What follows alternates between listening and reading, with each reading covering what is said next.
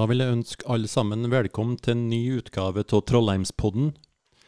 For dem som har hørt på Trollheimspodden før, så vet de sikkert at den kommer ut med fryktelig ujevne mellomrom. Men nå er vi iallfall tilbake med en ny utgave. Jeg heter Karstein Mauseth og skal prøve å være en slags eh, programleder for denne utgaven. Og I dag er jeg så heldig at jeg har fått med meg han eh, Magne Løseth. Og han skal fortelle om ja, kanskje litt snevert tema, nemlig Romonstadbygda. Trollheimspodden. Podden, podden, podden, podden, podden, podden. Ja, Magne. Da er du på plass. Debuterer jeg på podkast. Ja. ja, jeg gjør mest jeg òg, da. Kan trøste med de. Du skal altså fortelle litt om Romonstadbygda. Um, så jeg, jeg, sier nå bare vær så god, jeg. Du får presentere litt sjøl. Ja, det skal jeg gjøre. Jeg heter da for Magne Løseth og er født da i 1948. Jeg holder på å bli gammel, egentlig. da. Ja, ung til sinns. Ja, det er nå så. Men så jeg kommer fra en plass da, Løsethgara som kalles for Langøyene. Og det er et navn som alle bruker på den plassen, merkelig nok. Men uh, postadressa er iallfall Langøyan det står, men alle bruker. For mye godt uh, Annet ord som vi bruker, de, mye godt opp gjennom tida, så har blitt kalla for Magne Øya. Og det er nå greit. Og så skal de inn i øyene når de skal komme mot oss. Ja. Og så riktig sånn gamle, litt gamlere uttrykk da, det var noe løssetøy. Det sier de noe med ennå det er mye yngre folk. Det er mye yngre enn meg, så kaller de meg løsutøy. Jeg sier det. Ja, og det vet ikke hvor, du har sikkert hørt det fra noen annen. Ja, helt sikkert. Ja. Og så enda eldre folk, da, så kaller de det for Langholtøyene. Og årsaken til det da er det at uh, plassen jeg kommer fra, det er en det er to Langholte. Bestefar min han heter for Fredrik Løsut. Han var født eller han er oppvokst på Langholta, da, og så han kjøpte en tredjedel av Langholta, så flonset han nedpå der. Og således det ble det kalles for Langholtøyene. Men han bestefar min han da, var lensmann i Rindal han en ganske lang periode. Han var lensmann fra 1921 til 47. Og det var mye i din periode så kaller de det lensmannseieren, pga. at han var lensmann. Ja. ja. Jeg kan jo fortelle litt, jeg vil ikke snakke noe kjølig mye om eh, hvordan det var å lensmann. Det var å være lensmann til en der en kommune der en er født og oppvokst, er sikkert ikke enklest. Alle kjenner alle, og mye er slekt. Så jeg vil ikke snakke noe mye om noen historie. så Han har vært borti men jeg kan fortelle ei litt sånn artig historie som han kom, kom borti en gang. da Det var det at det kom en anmeldelse om en som drev og brente hjemmebrent. Mm -hmm. Og de som anmeldte den, det ja, havna en mistanke om at det var noen slektninger av han. Det var ikke at de var misunnelige på han for at han drev med, men så slektningene var litt kristelig anlagt, så de tykte ikke det tok seg ut. Nei. Og da måtte han vei, han bestefar, han hadde bil, da, så han kjørte nå dit og stoppa framom huset her og parkerte. Og mannen han, han, huset han kom nå ut da, og ble innbeint og ble kjølig godt mot sin egentlig. Da. Og så sa han der bestefar at ja, ja, du lurer vel mye på hvordan dette er ført? Sånn, ja, nei, det forsto han ikke noe av. Nei, nei, nei, driver du og brenner hjemmebrent, da, sa han bestefar. Han. Ja, la meg innrømme at han gjorde med det. Ja, har du vel et hjemmebrentapparat òg, da, sa han. Ja, han har nå det. Ja, jeg lytter bare ta med meg det og beslaglegge det nå, sa han. Ja, jeg skal finne til apparatet, sa han. Karen han fant i apparatet og satte det på, på, bordet der han bestefar han tok noe med seg og gikk bort i byen og ha, satt inn i byen og hatt døra skulle til å kjøre. Da kom en utsprengeren der karen der han noen slanger og mye rart. Han, han, du tar med det her, eller hvis ikke så får du det til å virke, sa han. Da, da tror jeg det er til å skåle litt videre. Jeg løser ikke her. Ja. Da kommer vi opp på Nærløseten. Og der var det Storløseten regjert. Ja. Og det er fryktelig mye historie om han uh, opp gjennom tiden. Så han var, han var litt spesielt som martnaskar, tror jeg, som rundt uh, Trondheim og i- er det faktisk folk som vet om en dag i dag ennå. Det er historie om. Ja. Jeg skal fortelle en historie da fra Rindala om den. ja, da Det var travkjøring bort på Eglekjønn. Og der var han, han òg, for han var en ivrig hestekar og alt mulig sånt. Så, og en bestefar han var nå er lensmann, så han var vel der som en slags ordensvakt og, mann der. altså. Og når en gjeng som sto der, deriblant Stoløsetun. De sto nå, de hadde med seg flaske og tok seg en ram der. Og så gikk han av vei, han bestefar, og han stunte nå. Det er sikkert at han fikk et sånt litt kutt svart og stolesete, da, for så sa han det når han kom bort til dem, ja, det er strengt forbudt å nyte alkohol på iset her, ja, sa han. Så han på han her, sa ja, liten pund i isen da, for å ta seg en dram. Ja. ja. En, slopp, det, da. Hel. Eh, Ja, jeg tror det gikk bra. Så kommer vi på en plass som ligger eh, ganske høyt. der Løsetgara OA Nærløseten, der var det Flåtten. Ja, der var, der var det ikke bare brennevin, da. Der var, der var de stødigere på han, etter som forstår. De var stødige der. Ja. Spesielt én, da. Det var flere også som drev, men han Lars Løsset, han eh, drev med skyting. Ja. Og var absolutt en av de beste skyttere i hele landet. Mm. Han var ute eh, hele sin arbeidskarriere, så var han på Follerød. Uh, han på sagbruket der, så han arbeidet der. Så han eh, representerte vel egentlig Surndalen da han var med til tror jeg. ja. Men uh, han er jo han er jo fra Flåtta, da. Ja. Og den største prestasjonen hans, det var vel i 37, tror jeg. Da, i, på landsskytterstevnet, ble han prins. Skytterprins. Og det var ganske dramatisk. Det skjedde for at etter de var ferdig å skyte, så var han og så han Willy Røgeberg ja han, Jan. Ganske kjent styrter. ja, Han var såpass kjent at han uh, vant olympisk gull i 36. Ja. Det ble omstyrting mellom dem. Og den tapte han Lars. Ja. Men ellers så har han egentlig mange andre fine plasseringer fra landsytterstevnet òg. Ja da, men å bli nummer to etter en Willy Røgeberg er kanskje ikke så dårlig likevel? Nei, det er ikke, det er ikke dårlig. Nei. Så kan jeg nå fare litt innom det litt lenger ned og litt lenger øst. da, Der kommer han og hjemplassen til bestefar min, da, det er Langholten. Mhm. Og han bestefar har en bror, da. Han, så, Lars som kom ut på Follerød, var bror hans bestefar. Og den som litt, grann, vet litt om Løsset-navnet i Surndala, da, så vet vi det at det var en handelsmann som het Lars Løsset. Og han Lars ute på Follerød var det bestefar hans. Ja. Og det er vel, når du nevner surndalinger, så har jeg lyst til å nevne tre stykker. Jeg er da kanskje som eh, de ti mest kjente. Det er jo kanskje mulig at jeg glemmer inn hvem og den hvem ikke skulle ha vært med, det vet jeg ikke. Men jeg vil nevne han Hyllbakk og han Sommero og sånn Lars Løseth. Det tror jeg er de Da tror jeg ordene mine i behold. Det tror jeg òg. Ja. Og forteller litt av historie fra sånn som oss også på Langholta. Da sa seter Raufjelløyen kalles den setra. Den ligger opp med Resvatnet. Så var det brukelig og at ungdommene, da, når de lærte på sommeren, at de var dit og hogg seterved til neste år igjen. Mhm. Og de resten av dit, da var det han Lars på Langholta, det var vel ingen som var med fra oss, så tror jeg det var noen flere karer der Så kom dit da som natta, da, så begynte det å regne så fryktelig gærent, og dårlig vær var det utover da, da. Så de ble egentlig sittende inne, sa karene, og du vet at det er ikke så mye å finne på når du sitter inne der de fant en kortstokk og finner å spille kort. Og Setereia som var der, hun hadde dårlig tro på det. Hun var vel litt religiøs og likte ikke kortspill, og det var hille for det at å spille kort var synd i den tida. Ja. Så hun for nå der og varsket om at de måtte slutte å spille kort, ja, for det var synd å spille kort. Men de brydde seg nå ikke så mye om det. der, om det. Og til slutt så kom hun da sist gang, og så var hun ganske skarp på det. Ja, ja blir det slutt med kortspillet nå, så er jeg iallfall aldeles sikker på at kommer ikke opp i himmelen, sa hun. Og sa han sånn litt forsiktig til en Lars oppå noe alt der. «Det er Ikke så farlig for meg, for jeg er så små i kort, det, sa han. ja, så han jottast ikke nå? Han da? åt ikke noe for han, Nei. at han ikke kom dit. Nei. Da eh, kanskje vi skal bevege oss til Løsetgara, og så kommer vi opp på Røen. Ja, der var det vel eh, mange som var dyktige til mye. Ja, de eh, var det.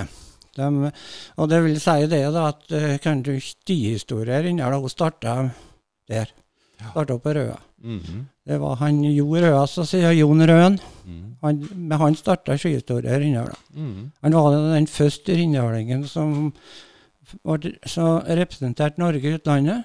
Han var uttilkjent til olympiaden i 28 i St. Moritz.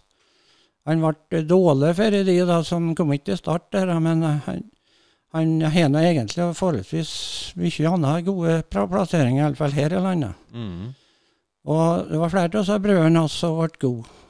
Ble vel eh, han Olaf var det hylla for å være den best kombinert karen. Mm. For det de drev med den tida, det var, det var ikke enkel hopp eller langrenn, det var kombinert. Det var kombinert, så var det store, liksom? Det var det store, det var Ja. det de drev med alle. da. Mhm. Så det var det de drev med. Men den Olaf der var desidert best til hopp, da. Ja. De andre var vel egentlig bare langrenn, mm. eller de hoppbakka. Men jeg, den som kom lengst der, det var den yngre bror til han eh, Jo, det er han Sigurd Øen. Sigurd Øen er nå en kjent mann i Rindal, da. Ja. Han var utekjent i olympiaden i 36, men han fikk influensa, sånn at han kom ikke til start. Men året etter, da, i 37, da var vel storåret hans, eh, Sigurd Røen. Da var det verdensmesterskap i Chamonix, og der ble han dobbelt verdensmester. Han var kombinert og gikk på det norske laget, så vant stafettgull. Ja, det er litt på den, på den grunn at den, det er statue av han fra Rindal sentrum òg. Ja, det, det er nok fordi at han ble verdensmester. Ja, tenker jeg. ja. Og eh, han vant eh, Et av årene der så vant han den tyske internasjonale, eller den tyske sportsveka. Og der fikk han en spesielt premie. Han fikk Hitlers ærespris. Den tror jeg vil komme tilbake til litt senere i programmet, for Ja. kanskje flere har fått den. da. Ja. Så, så jeg skal nevne det at senere. Ja. Men for at karene der skulle bli så gode, så må det egentlig være noen som står bak og trekker til tråder. Det er vel Jeg har ikke blitt av seg sjøl. Nei, det var, var vel likeens da som det er nå. Så ja, stort sett. Ja. Far der er innbrekt, og han eh, var vel ivrig. Han stelte stia og miksa og blanda eh, grammofonplater. Jeg vet ikke, det var både vals og reinlender han bruker, tror jeg, for å få til småning. Men Ja. eh, han stelte det åt dem, så de har det. Ja. Og han var egentlig en sånn kjøla allsidig person. Han gjorde, han var kjøla skrivefør og sjåfør. Han skrev kjølig mye sånn artige dikt og stubber til lokalavisa. Lokalavisa den tida var det Svorsk, eller Orskmann som var trykt opp på Svorkmo. Og eh, jeg kan jo nevne én ting han skrev om da, for han, han har en bror som starta med bureisning oppe i Rørdala. Det var på 20-tallet han begynte der. Og i 1928 skrev han eh, jo en prolog han, om hvordan det skulle bli oppe i Rørdal om 100 år. Det vil noen si at 2028, det. ja. Det er ikke så lenge test. Nei, eh, treff den på, da. Ja, vinkvart. innkvart, men jeg tror ikke det var meninga. Det var skrevet på et humoristisk Ja. vis. Men han kan jo ta, han skrev i hvert fall om en ting jeg kan nevne, det var at vil du ha grøten stappa, han han har gjort, så snorrer du bare på tappa, så går det sjøl fort. Det er vel eh, sannhet i de. Sannhet i de. Og så skrev han om at nå pløyer de med traktorer som går på dynamitt. Det er vel heller tvilsomt, da, men hvordan drivstoff det blir 2028, det er ikke så godt å si. Nei, men det er antagelig for akkar drivstoff eller de har i 1928. Ja, men jeg tror ikke det blir dynamitt. Nei, det tror ikke jeg heller. Og så skal jeg ta en liten strof til slutt, men at nå er hver kjerring en luksusbil. Og kjøre sent og tidlig fra Nybø til byen, for knapt nok direkte mile for fort det går så lyn. Det er noe ganske Det stemmer nå. stemmer noe ganske bra. Ja, det vil jeg si. Han eh, gjorde jeg var kjølig god til å fortelle historier, og det samlet mye folk rundt når han skulle fortelle, for han var alvorlig god til å fortelle. Jeg kan fortelle, skal fortelle to historier om ham nå, da, for oss eh, går videre. Ja, det må du gjøre. ja. Han var ute i fjordet her på Stiren, så han har vunnet naturligvis, for eh, det, det, det, det gjorde han det meste allveg. Og så var det en eh, annen en eh, jamaldring til en han Bekke innbrekt oppe på landsemna. Han og var med og gikk, og de, og de var nå til de to best. Mhm. Og så, var det noe hvilken premie de har fått uti der? Var noe snakk om det en gang til der. Ja, det var noe dårlig premie ute i fjor. Og jeg sa han jo, han Bekke han fikk noe knappnål, og jeg fikk noe tom vaselindås, sa. Så det var ikke så veldig. Så var det når det samme gangen det var en kar som kom bortåt den, da, så spurte han om ja, den fine sti du er, sa han. Ja, en far sitt delt, sa jeg, sa han Johan. Ja, men kanskje han kunne ha stelt et par åt meg, sa han. Ja, det kan han alltid ha gjort, sa han, men en litt stelte det som går oppå og skal bli stor nok fart, sa ja, ja. Det er godt svara. Ja, og så var det, de Han hoppa ikke opp i, på Røa der, og Russbakken, han kaller det, der de drev og trena Ja. i hopp, og så kom de det så det brødrene de var en dag de hadde hoppa, så la jeg langt fortalte dem, ja. De trodde mest ikke på alt det, den Jon her, for at, så reiste han til kvelden, han for han ville prøve han òg, for han liker han ikke at de hoppa, hoppa lenger, eller han. Nei. Og har skjerpa på litt, så han var litt bedre før òg, da. Og jeg tok naturligvis toppfart, sa han, og skal fortelle det bare oppi været. Ja, da. Jeg leste nå hele faderåret, og langt borti Gud bøye mitt unge hjerte før jeg kom ned på igjen. Det er langt. Ja, jeg vet ikke, det er noe, det er noe sånn Ja, skiflygingshopp, det det. er skiflyging, ja. Da eh, skal, skal vi gjøre. Ja. Da er det en plass uh, nesten med elva litt Røen, der det kalles for Berglund. Derifra kom han Inge Johan Nergård. Han, er da, han, han eh, lever da ikke i dag, da, men han har en sønn. Torgeir Nergård har er blitt godt kjent eh, i landet her. Han har vært med på det norske curlinglandslaget i mange år. Ja. Og han har både OL-gull og VM-gull og EM-gull. Og jeg tror de i vinter, så sist vinter nå, så var han med på det norske laget. Ja da. Han er kjent uh, curlingmiljø, ja. Ja. ja. Eh, og det noe du Bare sitter og hører på det her nå, så jeg stønner jo det at det er uh, altså. Det er jo ikke, ja, det, det er ikke småtteri. Nei, det er ikke småtteri. Du, du, du skal få se. Før vi er ferdig med Romostebygda, så tror jeg det, tror jeg ikke det finnes sånne plasser. Nei, det er bare så vidt. Ja, jeg tviler på det. Ja. Så skal vi bortom elva, på sørsida av Drinnene, og det er bakhall, da. Så det er kun to gårder som har vært der i hele Romostebygden. Det er Kroken og så Reinslia. Jeg kan fortelle litt om Kroken jeg, nå da, i første omgang. For uh, der var det sånn at det var litt vanskelig å få til korn, og det frøs korn. og Brua for pga. isfor, så det er siste en av 1800-tallet så flytta de derifra, folket. Og det var også sagt det da, at den siste gardskjæringa som var i Krokia, hun kom fra Grytbakka. Og hun var ildtrefst eh, Krokia, for hun var vant med mye mer sol. ja. Så de flytta da derifra. Den, eh, en en heter Mikkel, da, det var da oldefar min. Han kom opp oppe i stua Romosten. Og en annen en, han heter for Jon. Han eh, reiste til Medala. Og han tok navnet Krog. Ja. Og han og hele kjente etterkommere etter seg. Det var en Sønnen hans, Olav Krog, er jo riktig godt kjent oppe i Medala. Og han har vel egentlig fått æra for eh, Bygdemuseet. Det var han som var primus motor. De fikk det museet oppe i Medala. ja. Så har han en rekord, han.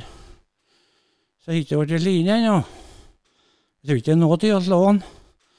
Men eh, jeg vet ikke hvorfor han ikke har blitt lin, men han han har skrevet Medalssangen.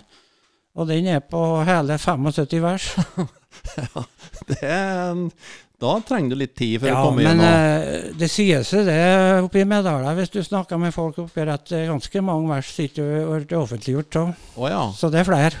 Det er enda flere. Ja, det er enda flere, men de har ikke vært offentliggjort. Men det er 75 så offentliggjort, så offentliggjort da. Ja, det, det er for halv, det, da. Ja, så så jeg er pensjonist nå, så jeg kvier meg litt grann hvis vi blir sendt opp i med, hvis vi skal være se om til pensjonistlaget oppe i Medalet. Er hvis vi skal synge Medalssangen, så er jeg redd de synger alle versene, for da blir det sent kveld. Ja, Det blir det, Ja, ja. for oss kommer hjem. Så han Olav Krogh han har da en datter, hun heter for Astrid Krog Halse. Og hun er da, var, da gift med, var da gift med han Kåre Halse. Han Kåre Halse han var sønnen av Leif Halse. Han Leif Halse han var lærer ute i Dodala. ja. Og den som eh, er litt kjent med Vangsguttene, så var det han som skrev dem. ja. Og han har to sønner, han Leif Halse. Og, den og de heter først Einar og Kåre, så det er greit hva han bruker til i- når han skrev 'Vangsguttene'. Ja, det, ja. Laris er litt ovest, Eh, kan jeg. Laris eh, vet ikke jeg hvor er, nei, men eh, det er vel kanskje ikke han ute i Dåla som kan vite det. Ja, det vil jeg tro. Ja. Men det er ganske mye Laris uti der, er ikke det? Jeg jeg tykker det, ja. Nei, vi må ikke si noe stort om dem. Nei da. Så hun har da skrevet mye dikt, og Astrid Krogh Halse. Ja. Og gitt ut uh, diktsamling og leser dikt på radioen. Og en Karstein altså, sitter ikke over bordet for her. Han er jo lagt stilt melodier til ganske mange av de tekstene hennes som er gitt ut på CD. Ja da, jeg har det. Og det, og det, det, det, det er verdt å høre på, altså. Ja, jeg, jeg, regner med For det. å bli litt reklame. Men det er jo flere som har brukt dikt og Astrid Krogh Halse. f.eks. For eh, så er mer kjent til det jeg driver med. da, så er det et band som heter For Gåte, som har brukt mye tekster Mm, fra Astrid Krogh Halse. Så hun er godt kjent. Så er det den eh, Nå ser jeg Krokja, da. Jeg kan ta den siste personen som er født i Krokja. Hun heter for Marit. Og hun ble gift ytterlig. Og hun, hun har en datter da, som har vært gift med Jakob Sande, forfatteren Jakob Sande. Yes. Og den som har levd en stund, så hørte Ønskekonserten, så hører oss selvfølgelig han Kurt Foss og Reidar Bø. De har mye sanger som eh, har skrevet tekst på likeens Jon Eikemo. Og har gitt ut plata av tekster til han, eh, Jakob Sande. Den kanskje mest kjente teksten hans, da, det er jo den spiller hver jul. Ja. Det, er- det er han som har skrevet teksten til 'Lyser i stille grender'. Akkurat. Og Det er et dikt som eh, jeg tykker er litt uh, Ja, det kanskje det mest makabre diktet er hert, og det er vel likfunn. Likfunn, det er Jakob Sande som har skrevet, ja. Ja. Og så likeens eh, Nå vil jeg begynne på et nytt og bedre liv, tror jeg. Det er han Det er han, ja. Ja, det er han. Nettopp. Det er Jon Eikemo. Ja, han er, han er lesse, det, han. Stemmer. Og da vet jeg ikke, da kan vi nå prøve oss litt i det neste året, at vi kommer på andre siden av Trinnan. På nordsida der er det utestua og Ja, jeg kan hende jeg feil nå, og Neggarsmoen. Der kom han fra han eh, Jon Nergård. Stortingsmann Jon Nergård. Ja. Og derifra. Født og oppvokst der. Og han skjønte tidlig at han var litt interessert i å være med å påvirke utviklingen i samfunnet, så han skjønte tidlig at hvis han skulle ha noen sjanse til å ha noen slags mulighet for å være med å påvirke, så måtte han på Stortinget. Og for å komme inn på Stortinget den tida så lot du ha en fast eiendom, så han kjøpte av den andre gården som er på sørsiden av Renslia. Ja. Men han eh, drev en alder, da, men han eh, Det var da folk som drev en da, men han, han åt den iallfall da, da kom han inn på Stortinget. Ja, var derfor han kjøpte den for å komme seg inn på For å komme inn på Stortinget. Ja. Og han fikk med seg bønder da, til å opprope mot uh, embetsveldet der. Og til slutt så fikk de flertall for og han er vel egentlig vært med og fått til spesielt den formannskapsloven, tror jeg. Ja. Sånn, eh, og det var noe med sånn at det var et formannskap egentlig som skulle styre kommunene. Mm. Og jeg tror det er Edvard Hoem sa den gangen at han kalte han Jon Nergård for formannskapslovens far. Ja, det stemmer. Ja. stemmer. Og han er det da en bauta av i Romstebøgen oppe med veggen der. Ja. Og da må han da bare nevne at i den sammenhengen da, så er det en bauta der. Og så er det en statue av Sigurd Røen fra i Rindarskaret. Og begge er kommet til Romstebøgen. Ja, det er vel de eneste to liksom slike Ja, sitter noe annet Nei. og viser fram, men det begge er kommet til Romstebøgen. Ja, det er ikke dårlig. Nei, det er ikke dårlig. Nei. Skal vi fortsette? Ja, må bare fortsette. Det er drygt, da. Ja, ja, ja, det er drygt å drive med podkast. Men vi er godt i gang nå. Ja, det er sikkert. Da, da kan jeg komme litt oppå bakken igjen. Uh, litt grann eh, utestue og ytgarden var en plass. Huset er borte nå. Det eneste du ser nå, det er Lovklopp som står igjen. Der kom mora Marie Hamsund fra. Hun var født og oppvokst der.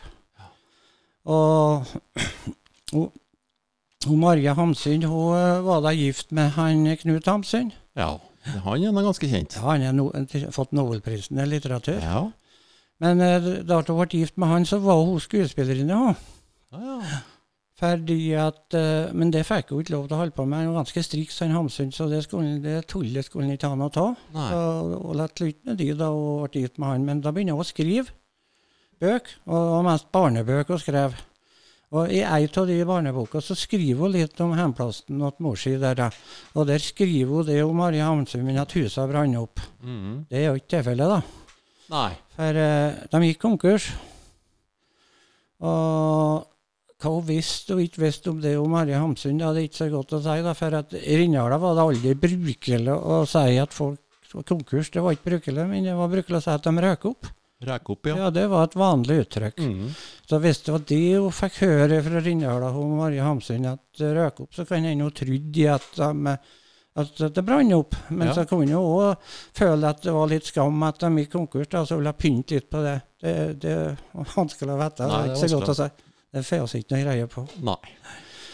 Og da i 1939 så var han Hamsun 80 år. Mm. Og han var en sånn person som ville ha lite oppmerksomhet, så de kom på det da, at de skulle reise til Rindala og Knut og Marie Hamsun da, for å skulle se på Tuftin etter plassen der moren kom fra og sånt.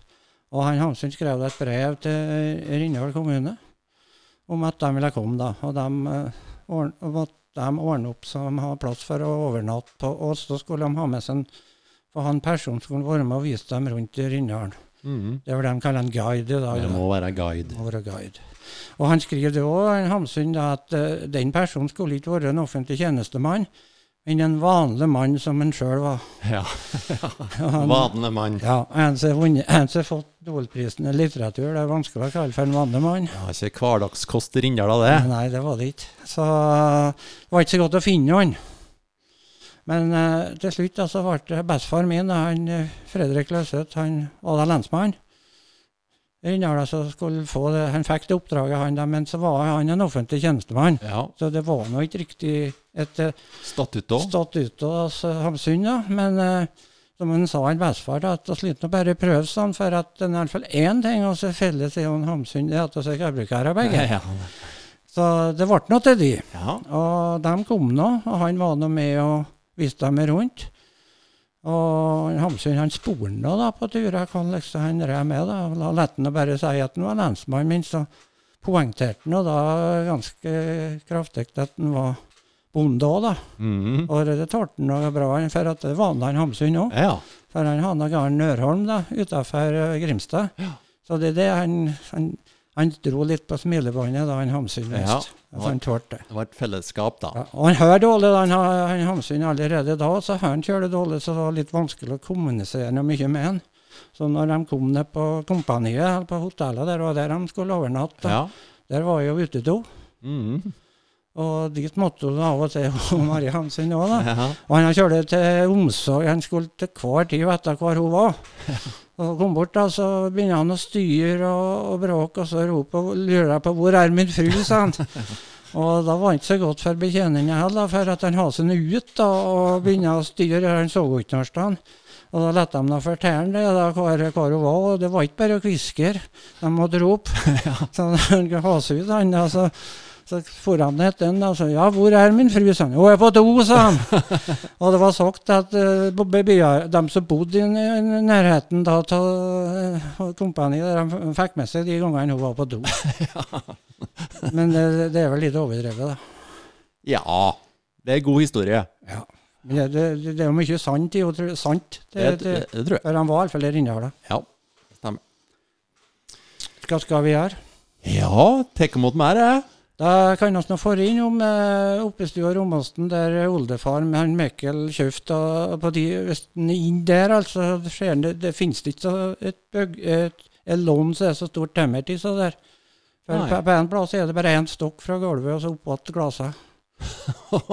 Oi, det, er- det er grovt. Ja, det er grovt. Ja. Voldsomt til tømmer. Ja. Ja. Så fortsetter vi litt lenger øst, øst om Romåsen og kommer oss på, på Brattlia. Ja. Og da kommer vi til Marit Bratlien. Ja. Men hun er det ikke noe sånn spesielt, men det er en, det er noen gode historier om henne. Ja. Jeg tykker hun er god. Ja. Så kan jeg kan fortelle det. Ja, tykker det. Det var en liten husmannsplass hun bodde på der, og bodde la med foreldrene sine. Hun var ikke gift eller noe. Og så når eh, de kom bort der, og så ble hun alene. Ja. Men eh, hun hadde noen sauer der. Og, så hun, hun, hun levde over. Det var noen naboer som hjalp henne litt, og hadde hunder høy og, og sånt. da. Og, men det var ikke noe kjølig rensle, og har ikke ordet for for å være det. Nei.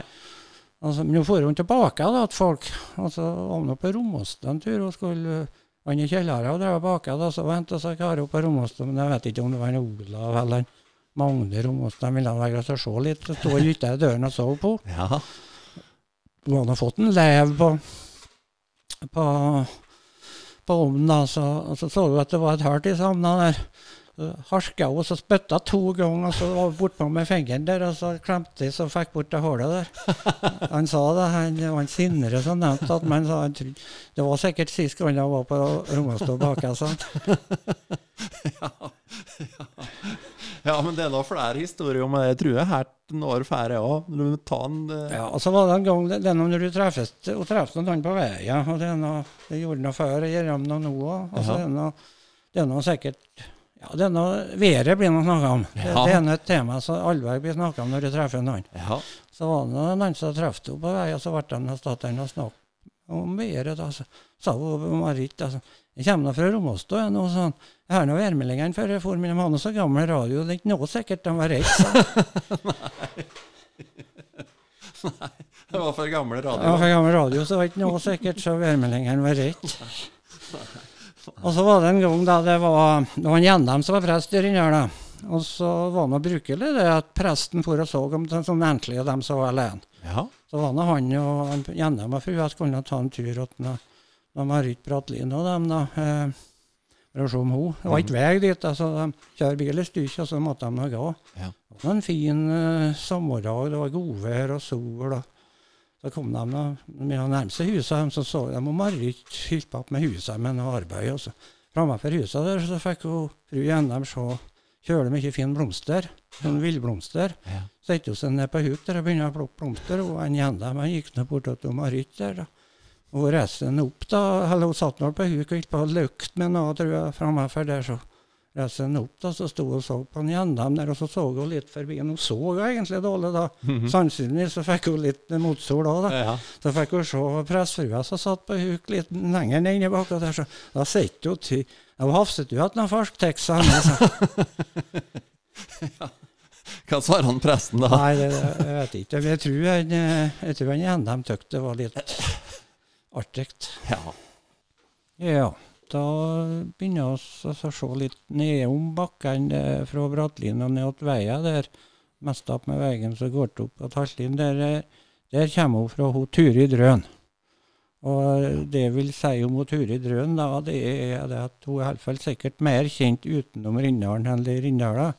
Men det, Karsten, du som er mye inne på musikk og følger med godt der, du kan sikkert supplere meg med og Turid, du vet sikkert godt hva hun har drevet med i sin karriere. ja, hun er jo sangerinne eh, og har mottatt Breinprisen.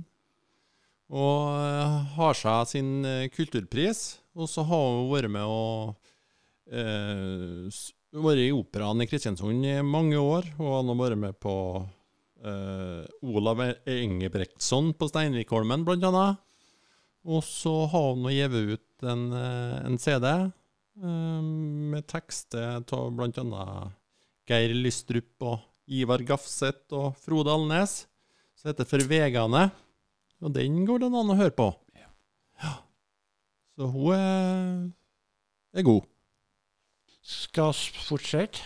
Ja, tek imot mer, jeg. Ja, Er du mer, så? jeg har det, men uh, jeg tenkte meg litt om Men vi kommer nedom bakken der, mest av veier der. Ja. Der uh, var det en, en hjemme med veien der kom han fra han Michael Kirkholt. Ja. Han, uh, han gjorde jeg ble svigerfar hos Michael Kirkholt, for han, han Michael ble gift med dattera si. Ja. Så han var, hadde kort skikarriere, men han var egentlig kjølig god. Ja, han var god. Han eh, var utekjent til Olympiaden eh, i Oslo da, i 52. Jeg må vel også nevne at det var to andre var med- som utgikk nå. Da. Det var han Edvin og Per Landsemne. Mm. Så det var tre innavlinger som var utekjent til Olympiaden. da. Og han Michael var vel hadde et korteste distansen, ja, det var det 18 km eller hva det var, tror jeg. jeg tror det var noe sånt. Han var ikke favoritt, men han kunne ha kommet ganske langt fram. Jeg tror han ble nummer to i NM da, det året. Mm.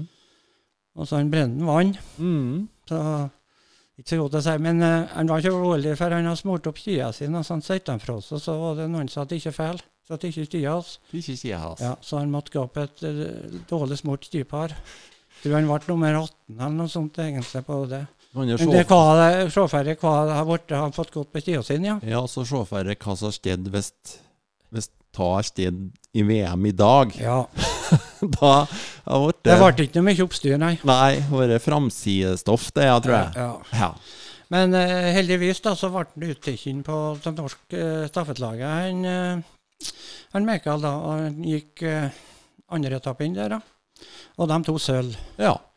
Så den eneste olympiske medalje i Rindala, det er det han som har. Det er en sølvmedalje fra olympiaden i 52. Den eneste med olympiske medaljen i Rindal. Og han var fra Rommersbygden. Ja, fra Romsdøbø. Så går vi litt østover og kommer at eh, krysset ned til Granheim. og Veien går over, til, eh, over elva til Styrtarbanen. Der sto det et stygghus skal etter for Heiemstrøa. Der var han fra han Torvald Heggem. Og han, eh, han flytta da til Løkken og, og var vel representert for dem kanskje i sin karriere, da, men han òg er han har for fem kongepokaler, tror jeg. Det var utdelt kongepokaler på, i Gråkalla. da. Ja, ta langrenn, eller kombinert. Kombinert, Kombinert, kombinert, kombinert, ja. Mm. Og, og han òg vant den tyske sportsvekka, Ja, så han òg har fått Hitlers ærespris. nettopp. Og kan du fortelle litt om den, den da. Ble stilt sju. Ble stilt sju av den prisen. Ja, ja. Ja. Og fem ble utdelt, Ja. og to kom på Tromsø-bøyen. Jøss. Det er ikke så dårlig. Nei, Selv om kanskje Hitlers ærespris er ikke Klenger ikke godt. Jeg, Men, gjorde- jeg gjorde ikke det, men det, det er gått såpass lang tid nå at eh, jeg mener nå det at det er altfor galt at eh, en av de prisene skulle ha stått på skimuseet her. ja, det Jeg- jeg syns jeg absolutt. Det det må gå an å få til. Ja, det tykker jeg det skulle ha vært. Ja, absolutt. Helt du, når du vet historien bak det, så er det Ja. to til fem, to til fem, altså det er sju, to til sju som var stelt, og, ti, og fem ble Ja, det kan jo si det er to til fem, da. Er det Så noe mest av halvparten da, som Ja. havna opp i Ja, og da skulle den ha vært på skimuseet. Absolutt. Absolutt. Ja.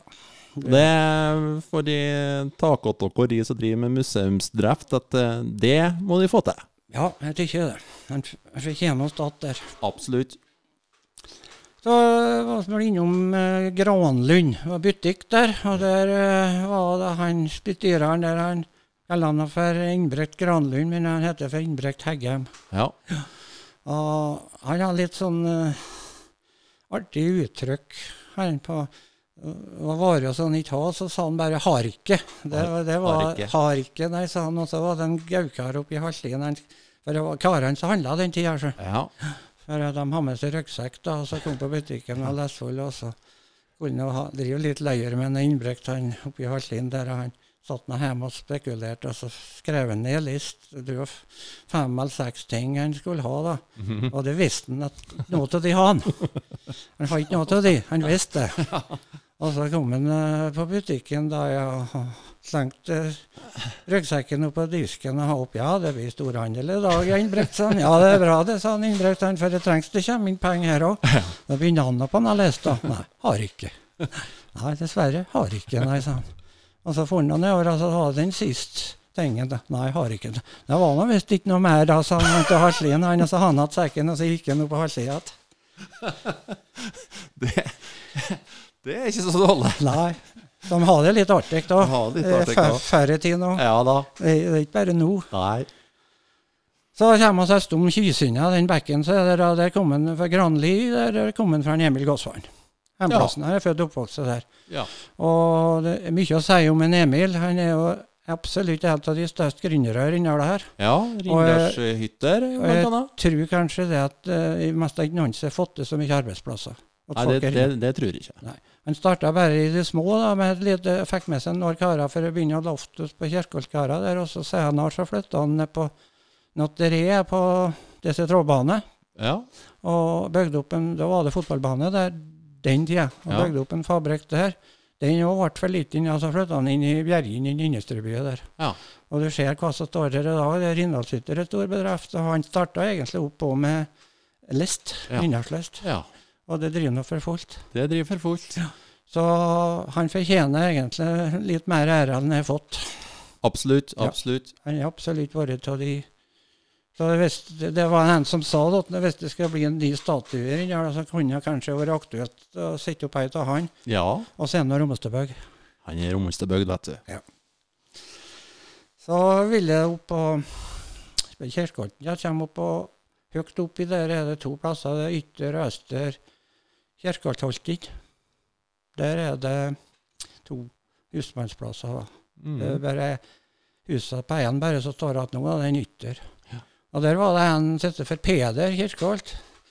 Og det er ikke noe, noe spesielt med han, annet enn at jeg syntes han var kjølig god til å ordlegge seg. For at han hadde en sånn syk, han var vanlig med trampsykkel den tida. Ja. Han hadde det, det var alle som hadde det. Mer eller mindre. Og han hadde en sykkel som Olaf Moen produserte den på Ja. øyen. Det var Fram. Fram, ja. Ja. Oppi Rindal der var det han, han Peder Øna, han eh, produserte uh, Trollheimen. Så ja. det var sykkelfabrikk oppi her òg. Men han har en da fra, fra han Olaf Moen Fram. Ja. Og så er det noen pedaler på en sykkel. Og inni der er noe kullager. Ja.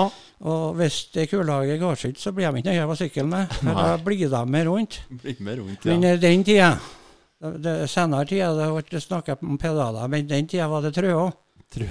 Sykkeltrøa, de kaller. Ja. det. Det var ikke pedaler. Nei, det er trøa, ja. Ja, trøa. Så, og han eh, fikk problemer med ei der.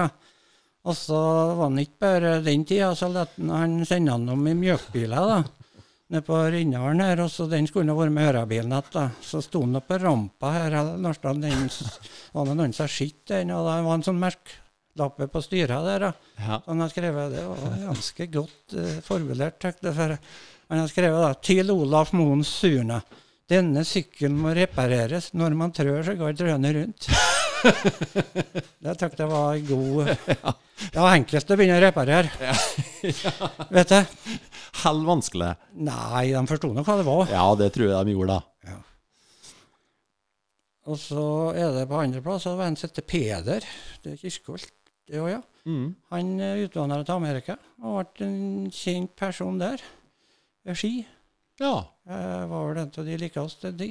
Og det var sagt det da, at han var med i arrangementskomiteen da de arrangerte eh, olympiaden i Skå i 1969. Ja.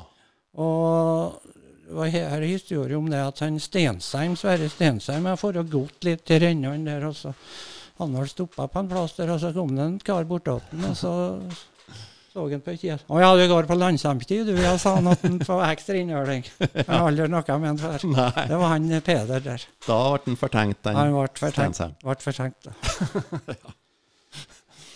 Så kommer vi oss på Storlia, da. Der er det han eh, Olav Storli Ulvung. Ja. Han er født i da. Ja. Han er vel en av de kjenteste, eller kjent person som har vært omtrent på alle de høyeste toppene hele verden. Ja. Han har vært på mot Everett, så vært på ah, mange topper. Ja, han er nå sikkert den eneste rindalingen som har vært på Mount Everest, vil jeg tro. Ja, for at han eh, Mora hans da var nå var nå fra Storlien. Ja, Men han var født, født inne. Rindala. akkurat. Ja.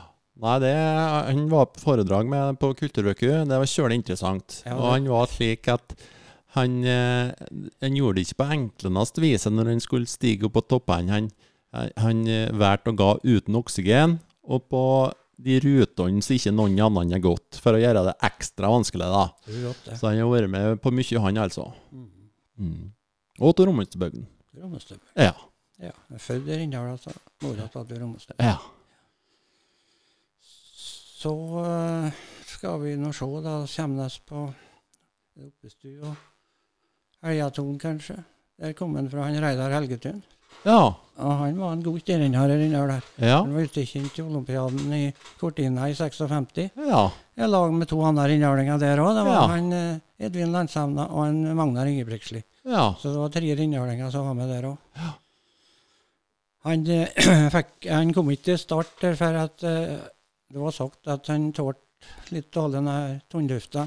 Ja. Det lå litt høyt der, så Ja. han hadde litt problemer der. Ja. Men han har blitt militær verdensmester i patruljeløp i lag med to andre innhaler og så en medaling, da. ja. Det var ikke så dårlig, det. Det var Nei. han Tore Bjørnstad og han Magnar Ingebrigtsli og Odd Lykkje fra Medalen Ja. som var med. Mm. Da begynner vi også å nærme oss snart slutten på denne reisa her.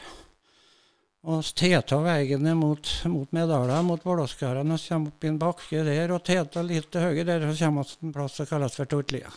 Ja. Og da er den Oluf. Oluf Helgetun heter han, men de kaller han bare Oluf Tortlien. Ja. Han er jo en liten kjent person her inne, iallfall.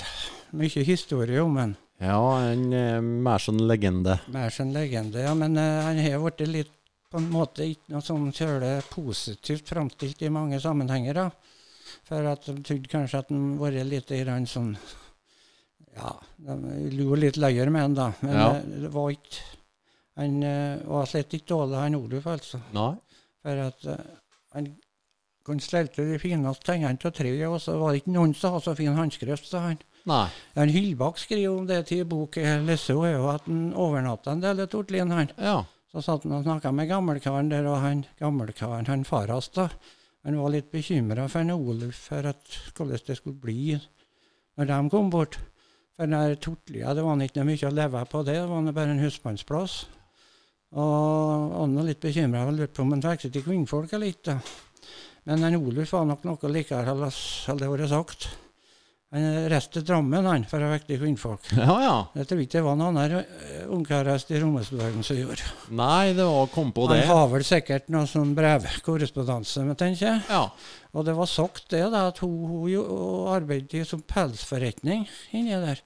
Ja. Og det var ikke bare eh, Men uh, han har Da han reiste, da Han skulle nå ta toget, da, så har han ikke penger igjen melde en vei.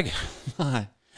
Så man er aldeles sikker på uh, folkehjøst i Romøsbøen at han kommer ikke tilbake med kvinnfolk. Den er slett ikke sikkert han kommer igjen sjøl heller. Men Oluf han kom hjem med kvinnfolk, han. Ja. Og han var gift med henne, og de fikk en sønn òg i lag. Ja. Men uh, det er klart at det ble sikkert det voldsomt uh, omveltning og to. Ja, fra pels, arbeid på pelsforretning i, Ja. i Drammen og Og kom kom- hest i ja. Der det var bare spykull. av den tida. Det var ikke strøm heller. Og den siste plassen her inne med de spykull på det. Ja. Det er Tortlien. Så det, det ble nå ikke eh, det, da. Det gikk nå ikke, det, da. Det var nå det, da. Men på sine eldre dager så fikk han seg til kvinnfolken Oluf. Og det var nå Hun heter for Olga Brunsby.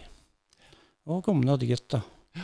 Og var der. Og det, det var mye snakk om så her ungkarene som fikk seg til kvinnfolk. Det samtidig Han var ikke den første innhølingen så fikk seg Det var- det ble noen samboer, da. Mm. Det ble ikke gift, da. Nei.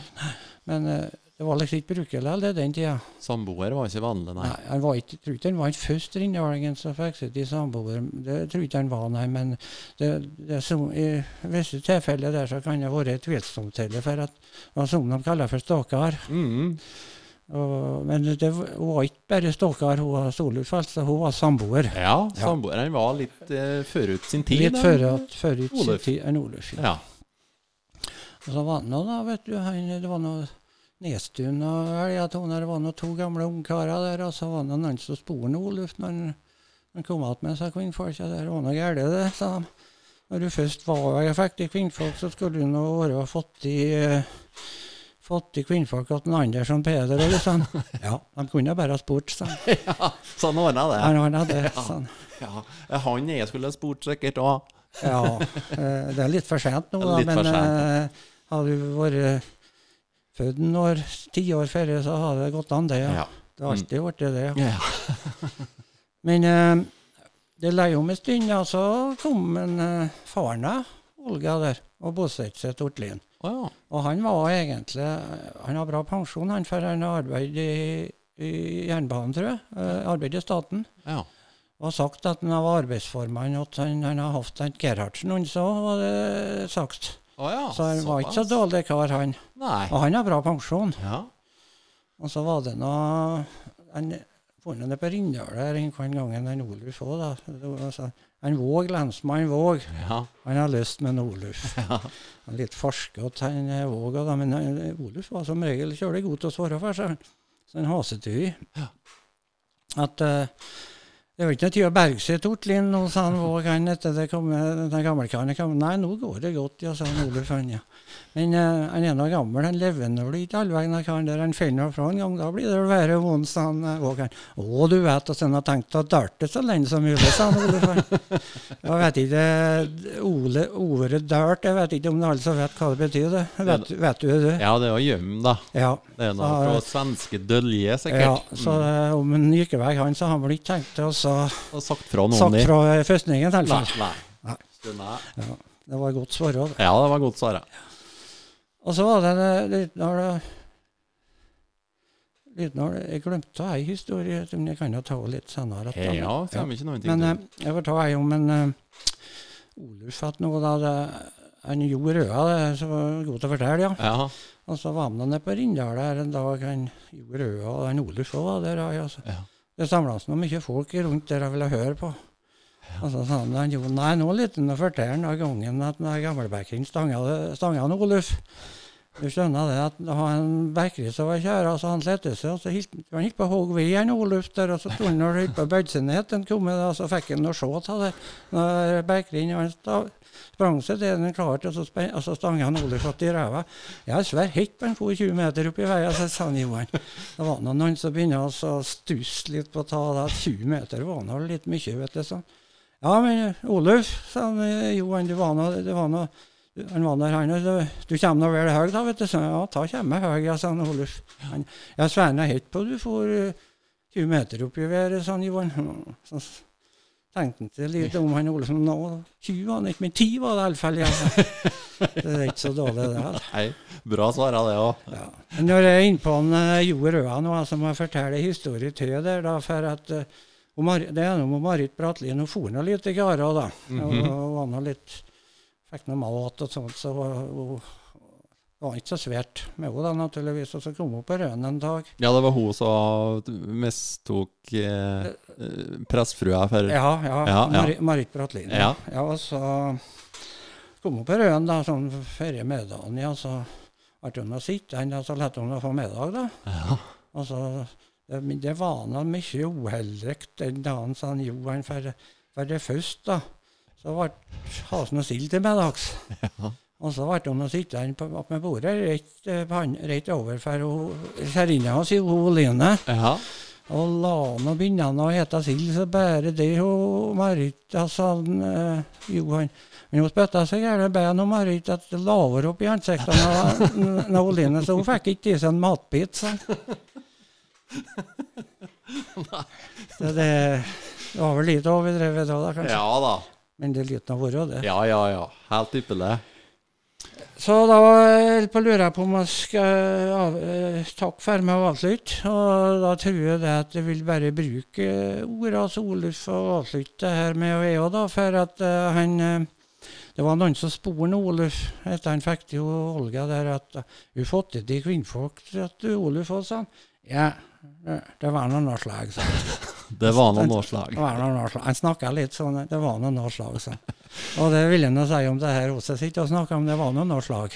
Det var kjølig trivelig at du eh, kom og fortalte til oss. Og eh, vi håper at vi kan få til flere av dere. Det er noen flere plasser i Rindala det går an å fortelle om. Ja, men, det, er men jeg må nå si det, da, at når du ser helheten til Det, det er helt klart det at eh, sikkert eh, innkvart mer som skulle ha vært med til Romsdalsbygda nå, da, for å si det sånn. Det er sikkert innkvart som mener at innkvart aner.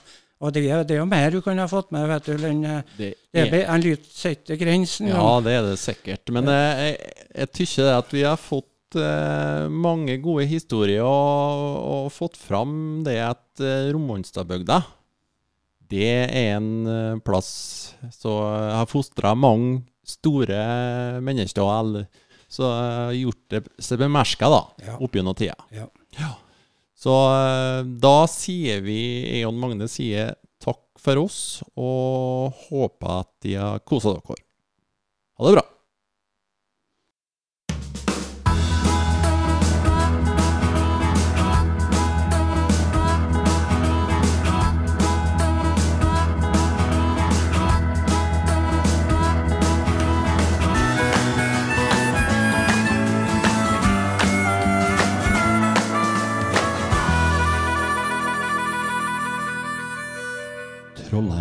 Podden, podden.